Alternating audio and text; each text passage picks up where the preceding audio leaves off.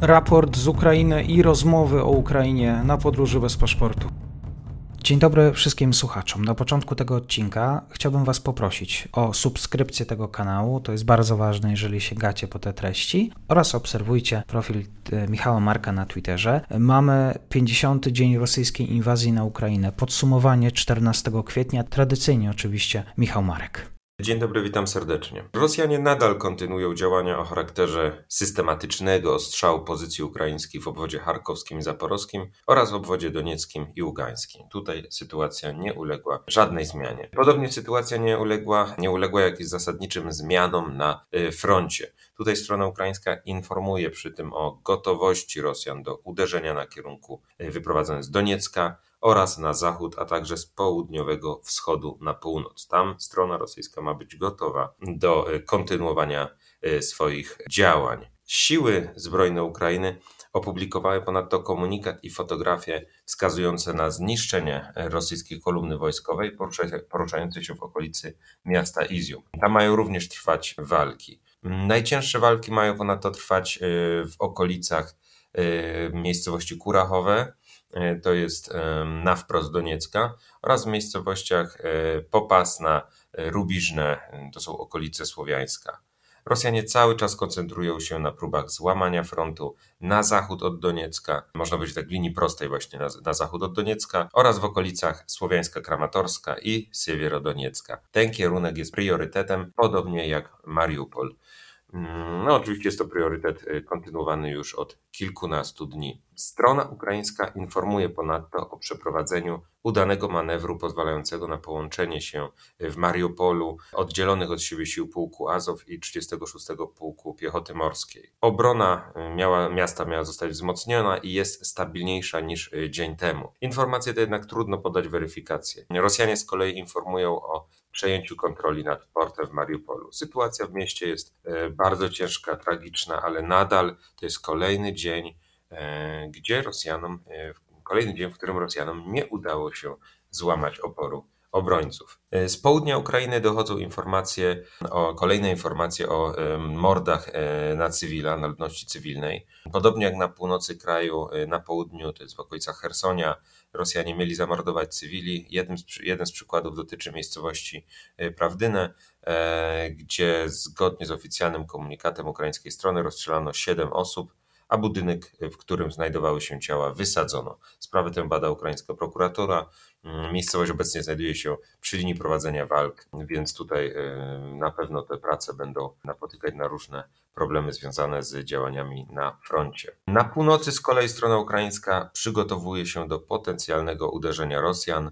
E, sytuacja oczywiście na północy jest stabilna, ale e, w każdej sytuacji, w każdym momencie może ona ulec zmianie, dlatego Ukraińcy nie, nie próżnują, wznoszą nowe umocnienia. Szczególnie ten proces realizowany jest w obwodzie sumskim. Wczoraj ponadto e, w nocy strona ukraińska opublikowała oficjalny komunikat o trafieniu przez dwie rakiety przeciwokrętowe wystrzelone z systemu Neptun, o trafieniu przez nie rosyjskiego krążownika Moskwa. Mm, okręt ten jest dumą floty czarnomorskiej, dysponuje potężnym potencjałem o ofensywnym charakterze w postaci systemów rakietowych, no, zdaniem Ukraińców okręt został trafiony, co wywołało pożar. Rosjanie początkowo negowali te informacje. W godzinach porannych stwierdzili jednak, iż na okręcie doszło do pożaru i wybuchu pocisków. Mm, zmiana narracji w komunikowaniu na ten temat uwiarygadnia przekaz ukraiński. Okręt rzeczywiście prawdopodobnie został trafiony, lecz y, nie ma tu informacji potwierdzających y, przekaz o tym, że zatonął. Mm, więc możemy przypuszczać, że rzeczywiście Ukraińcom chociaż jednej rakiecie udało się trafić w okręt, co wywołało pożar i wymusiło na Rosjanach ściągnięcie y, okrętu z morza z powrotem do portu, gdzie najprawdopodobniej przez dłuższy czas będzie, no, będzie wyjęty z, można powiedzieć, z możliwości jego możliwości prowadzenia działań będą ograniczone lub całkowicie wstrzymane przez dłuższy czas. Jest to niewątpliwie cios dla rosyjskiej strony i czekamy tylko na dalsze potwierdzenia. Jeżeli chodzi o sytuację na froncie informacji, wojny informacyjnej, to strona rosyjska nadal stara się tuszować swoją odpowiedzialność za zbrodnie dokonywane na cywilach. Nadal utrzymywane są e, dwutorowe przekazy. Z jednej strony zbrodnie, z jednej strony za zbrodnie odpowiadać ma Zachód i Ukraina, a z drugiej strony żadnych zbrodni E, do żadnych zbrodni rzekomo nie doszło. Nadal już na, na froncie nie doszło do potężnego uderzenia na wielu kierunkach. Wydaje się, że Rosjanie nadal koncentrują się na procesie rzucania na front nowo przybyłych jednostek, nowo przybyłych uzupełnień i relatywnego, relatywnie ograniczonego przygotowania do potężnej ofensywy. Oba warianty rozwoju wydarzeń są jednak realne. To znaczy, z jednej strony jeden wariant, dalsze rzucanie jednostek już bezpośrednio na front tych, które przybywają, z drugiej strony realizacja potężnego uderzenia z południa i północy, które ma na celu otoczenie ukraińskich jednostek. Ten drugi wariant wydaje się być jednak z każdym dniem e, nieznacznie mniej prawdopodobny.